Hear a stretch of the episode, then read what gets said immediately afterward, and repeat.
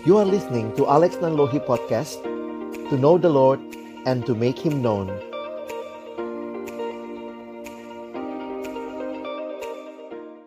Mari semua kita siapkan hati, kita tunduk kepala dan berdoa. Mohon pimpinan Tuhan sebelum kita membaca merenungkan firman-Nya. Bapa di dalam surga kami datang dalam ucapan syukur malam hari ini tidak ada hal yang terjadi kebetulan di dalam dunia ini. Semua ada di dalam kontrol kasih kedaulatan Tuhan. Termasuk situasi yang sulit bagi kami, tetapi juga di tengah-tengahnya kami boleh dikumpulkan secara virtual seperti ini. Ini semua adalah karena kasih dan anugerahmu Tuhan. Kesempatan ini kami sama-sama mau bersyukur kepada Tuhan mau sekali lagi mendengarkan kebenaran firman-Mu. Firman-Mu adalah firman yang hidup dan yang menghidupkan, firman yang kudus dan yang menguduskan hidup kami, dan firman-Mu firman yang tidak berubah, tetapi firman yang kami percaya sanggup mengubah kehidupan kami. Itulah yang kami rindukan menjadi bagian semua kami yang berkumpul di dalam ruang virtual malam hari ini kesempatan kami juga merayakan kebangkitanmu, Paskah yang boleh menjadi kemenangan bagi kami. Biarlah juga membuat kami terus berharap dan bersandar kepada Tuhan. Kami menyerahkan jam pemberitaan firman-Mu ke dalam tangan pengasihan-Mu. Dalam nama Tuhan Yesus Kristus, kami menyerahkan pemberitaan firman-Mu. Amin. Malam hari ini sama-sama kita akan merenungkan satu tema yang saya coba pilih untuk persekutuan keluarga malam hari ini yaitu trusting God in difficult times. Percaya kepada Allah di tengah-tengah situasi yang tidak mudah. Saya mengawali dengan menyampaikan selamat Paskah untuk keluarga besar yang berkumpul malam hari ini. Ada pasti ada opa oma, om tante, papa mama, anak-anak dan cucu. Di tengah-tengah situasi pandemi pun salah satu hal yang kita syukuri bagaimana Tuhan tetap memberikan kesempatan untuk kita beribadah. Corona yang awalnya cuma masalah kesehatan, tetapi ternyata setelah setahun ini terjadi di Indonesia sudah menimbulkan banyak pergumulan dan masalah. Selain masalah kesehatan, ini juga jadi masalah uh, pekerjaan, pendidikan begitu ya. Ada yang harus bekerja dari rumah, kalaupun harus masuk dengan berbagai protokol. Anak-anak kita harus belajar dari rumah, online, semua PJJ. Sementara ini juga jadi masalah ekonomi, banyak yang terdampak secara ekonomi, masalah sosial, belum lagi juga masalah spiritual karena kita pun beribadah secara online. Tapi situasi ini tentunya tidak menutup kesempatan ya. Tuhan melalui teknologi memberikan kesempatan buat kita yang justru waktu kita mungkin onsite ya, ketika kita bisa bertemu secara offline rasanya memang uh, berbeda, tetapi tetap ada cara Tuhan yang indah mengumpulkan kita dan saya bersyukur kalau mendengar bahwa ibadah seperti ini boleh dilakukan secara rutin oleh keluarga besar. Malam hari ini saya mengajak kita merenungkan Mazmur 100 eh, Mazmur 11 ayat 1 sampai ayat yang ketujuh. Hanya tujuh ayat yang kita akan lihat sama-sama. Saya sudah tuliskan ayatnya di layar, di screen, jadi mohon uh, kita bisa mengikuti. Saya akan bacakan bagi kita sekalian. Untuk pemimpin biduan dari Daud, pada Tuhan aku berlindung. Bagaimana kamu berani berkata kepadaku, terbanglah ke gunung seperti burung. Sebab lihat orang fasik melentur busurnya, mereka memasang anak panahnya pada tali busur untuk memanah orang yang tulus hati di tempat gelap. Apabila dasar-dasar dihancurkan, apakah yang dapat dibuat oleh orang benar itu? Tuhan ada di dalam baitnya yang kudus. Tuhan tahtanya di sorga. Matanya mengamat-amati. Sorot matanya menguji anak-anak manusia. Tuhan menguji orang benar dan orang fasik. Dan ia membenci orang yang mencintai kekerasan. Ia menghujani orang-orang fasik dengan arang berapi dan belerang, angin yang menghanguskan, itulah isi piala mereka. Sebab Tuhan adalah adil dan ia mengasihi keadilan, orang yang tulus akan memandang wajahnya. Sedemikian jauh pembacaan firman Tuhan yang berbahagia bukan hanya yang membacanya tetapi juga merenungkannya, menerapkan dalam kehidupan dan bahkan membagikannya kepada orang-orang di sekitarnya. Bapak Ibu Saudara yang dikasihi Tuhan, ketika mengalami pergumulan, sikap kita sangat penting untuk menolong kita bertahan. Ketika Daud mengalami pergumulan yang sebenarnya tidak mudah tentunya bagi Daud, itu yang dia coba gambarkan di dalam Mazmur ini. Kalau kita melihat apa yang Daud alami, Daud adalah seorang yang memandang sekitarnya dengan jelas. Dia tahu apa yang sedang jadi pergumulannya. Waktu Daud memandang sekitar, ada tiga ayat yang pertama bisa kita lihat apa yang terjadi pada Daud. Kalau Bapak Ibu Saudara memperhatikan apa yang dialami Daud dari ayat yang pertama, ternyata ada pergumulan yang dialami nampaknya yang membuat Daud mendapatkan nasihat. Nasihat orang-orang kepadanya, terbanglah ke gunung seperti burung. Jadi pergumulan hidup yang Daud alami, kalau kita ingat Raja Daud banyak pergumulannya ya. Ada pergumulan dengan orang-orang yang dia pimpin, bahkan ada pergumulan dengan anaknya yang mau bunuh dia, ada pergumulan dengan musuh-musuhnya yang waktu itu juga mereka se apa ya e, sering datang dan menyerang. Maka kita bisa melihat perhatikan di dalam ayat ini dikatakan terbanglah ke gunung seperti burung. Jadi orang-orang mengatakan kepada Daud, cobalah terbang ke gunung seperti burung. Beberapa penafsir Alkitab mengatakan, kemungkinan mereka mau mengatakan, Daud, cobalah cari pertolongan dari tempat yang lain. Lalu kalau lihat ayat yang kedua, ini gambaran orang fasik meluntur busurnya, mereka memasang anak panahnya pada tali busur untuk memanah orang tulus hati di tempat gelap. Bayangkan Daud mengalami entah ini memang benar-benar ada busur yang datang kepada dia ataukah ini figuratif, tetapi ini menunjukkan bahwa situasinya tidak mudah. Dan ayat yang ketiga, bahkan dasar-dasar dihancurkan.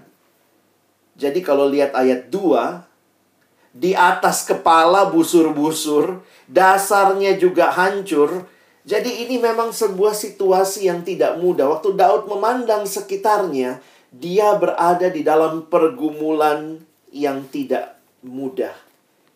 Pergumulan hidup memang seperti ini, menyerang kita dari berbagai sisi. Karena kita ada di dalam dunia yang sudah jatuh di dalam dosa.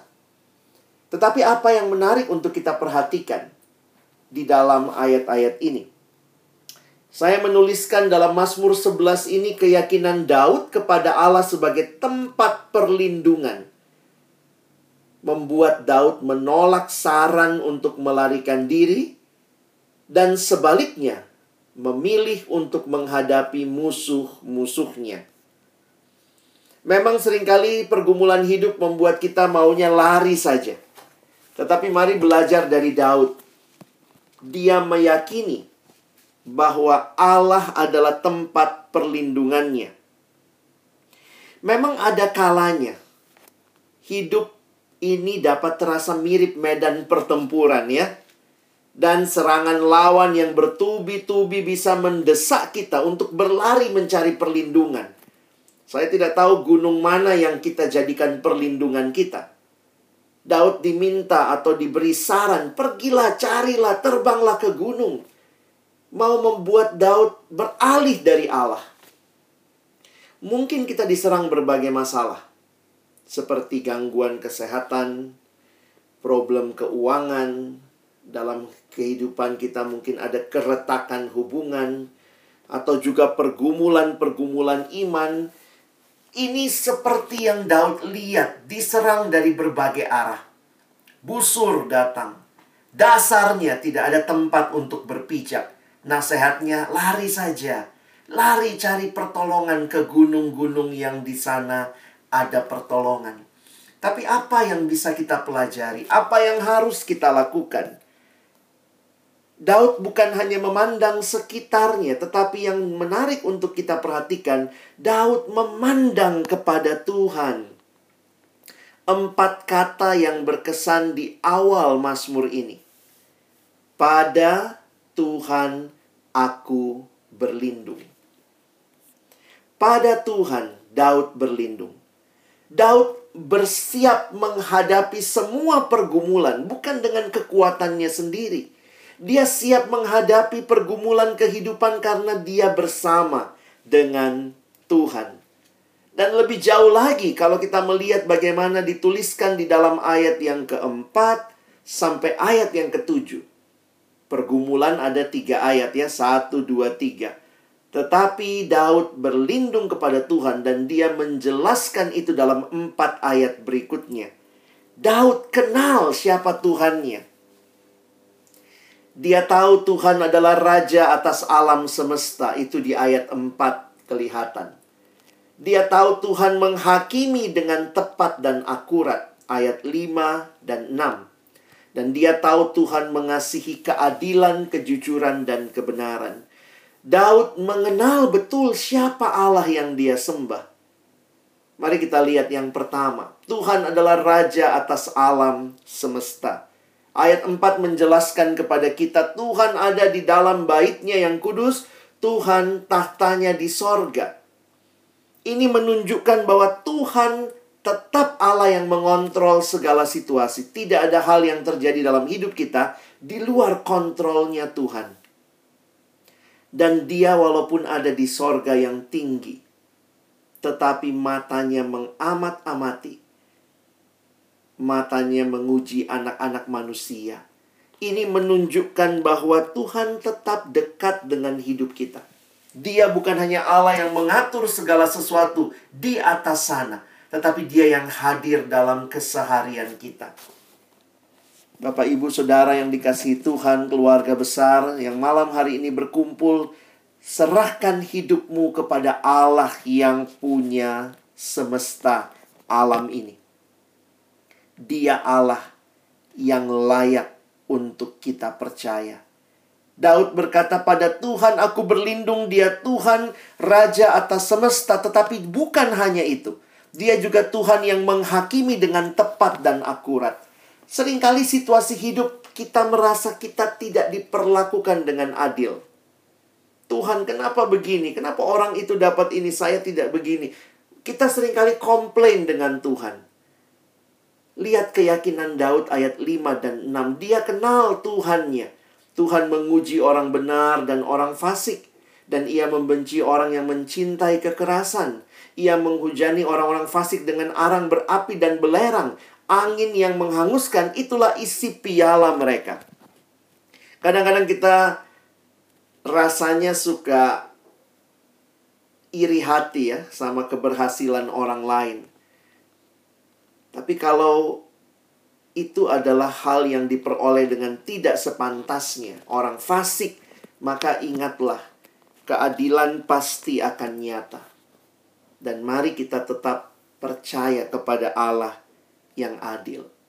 Dan yang terakhir, Dia adalah Tuhan yang mengasihi keadilan, kejujuran, dan kebenaran. Semua ini terlihat berulang, tetapi kembali menegaskan siapa Allah ayat yang ketujuh. Sebab Tuhan adalah adil dan ia mengasihi keadilan orang yang tulus akan memandang wajahnya. Kita ada dalam dunia yang penuh dengan berbagai pergumulan.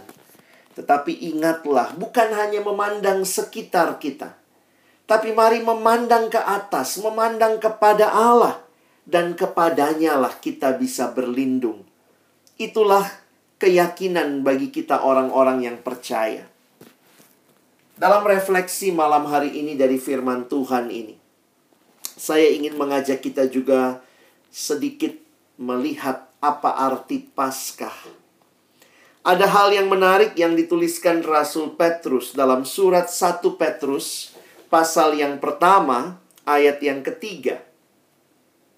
Rasul Petrus menyatakan pujian kepada Allah. Terpujilah Allah dan Bapa Tuhan kita Yesus Kristus yang karena rahmatnya yang besar telah melahirkan kita kembali oleh kebangkitan Yesus Kristus dari antara orang mati kepada suatu hidup yang penuh pengharapan. Jika kita perhatikan ayat ini, kita belajar melihat kepada apa yang Tuhan nyatakan dalam Yesus buat kita. Jika Daud di Perjanjian Lama percaya kepada Tuhan yang hidup itu, maka di perjanjian baru kita kenal dia di dalam namanya Yesus Kristus. Manusia cuma kenal siklus hidup. Selama ini ya lahir, hidup, mati. Itu saja siklus hidup yang kita tahu. Lahir, hidup, mati. Tetapi bagi orang percaya, ternyata siklusnya tidak berhenti cuma lahir, hidup, mati. Karena Yesus yang kita sembah dia bangkit. Sehingga buat kita yang percaya, kita bukan lahir hidup mati lalu selesai semuanya. Tetapi kita percaya kebangkitan terjadi dan pasti terjadi karena Yesus sudah bangkit. Karena itulah Petrus bersyukur. Dia punya pengharapan yang hidup. Dalam bahasa Inggris ada kutipan demikian. We have a living hope because we have a living Savior.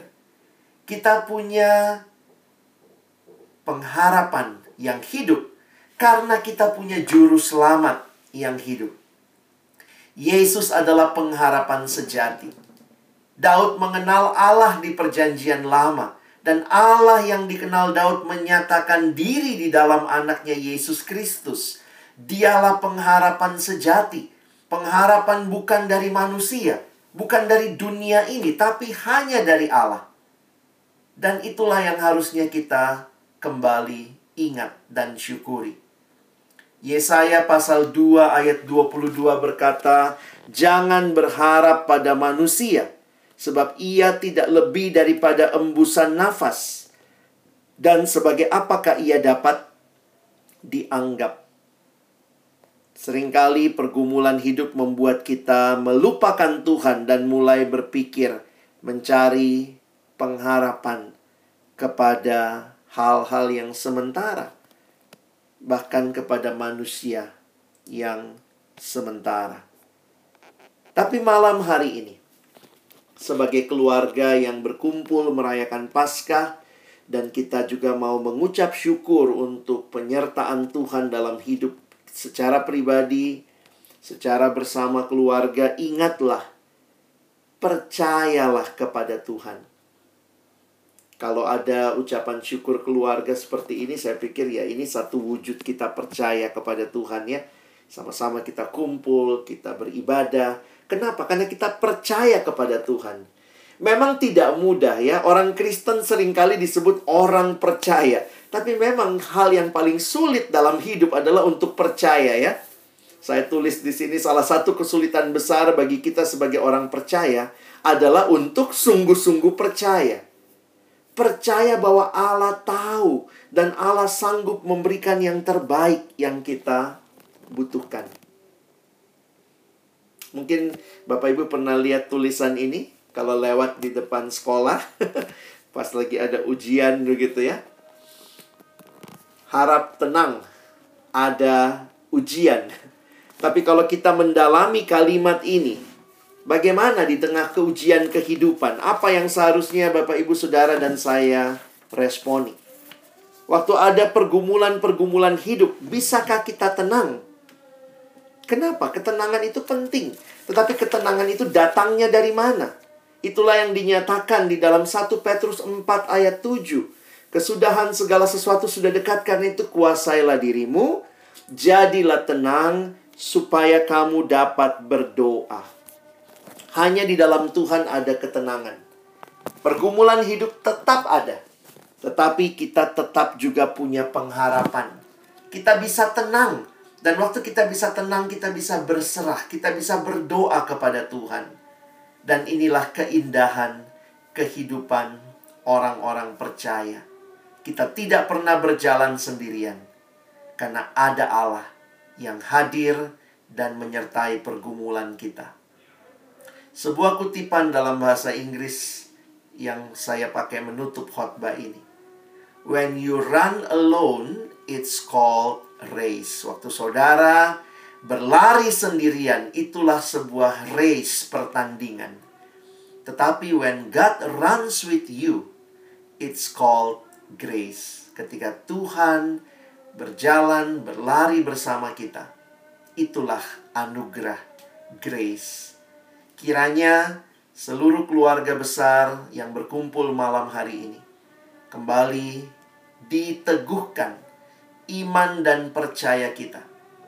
Tidak ada penolong yang lain, karena itu senantiasa datang kepada Dia. Mungkin ketika pergumulan kita juga mulai meragukan Tuhan, kita rasa kenapa Tuhan tidak menolong, kenapa Tuhan mengizinkan ini terjadi. Tetapi mari kembali ingat, Pergumulan hidup membuat kita makin menyadari betapa kita membutuhkan Tuhan. Datanglah dan berserah kepadanya. Seringkali Tuhan belum menjelaskan apa yang Dia lakukan bagi kita. Mungkin kadang kita masih bertanya, "Tuhan, kenapa begini? Kenapa harus lewat jalan seperti ini?" Banyak kali Tuhan belum menjawab apa yang kita tanyakan tetapi Tuhan hanya ingin menyatakan kepada kita, Aku tidak meninggalkan engkau. Aku senantiasa berjalan bersamamu.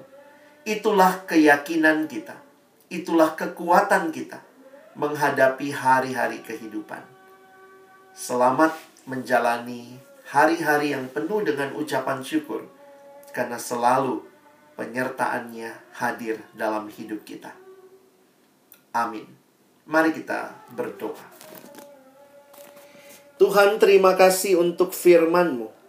Firman-Mu yang kembali meneguhkan kami bahwa waktu kami memandang ke sekitar kami, begitu banyak hal yang mungkin menghimpit kami, menjadi pergumulan kami. Dari atas, dari bawah, dari samping, dari depan, dari belakang, begitu rupa menghimpit hidup kami. Tapi kami berdoa, kuatkan kami, memandang kepadamu Tuhan, dan di situlah kami menemukan ketenangan.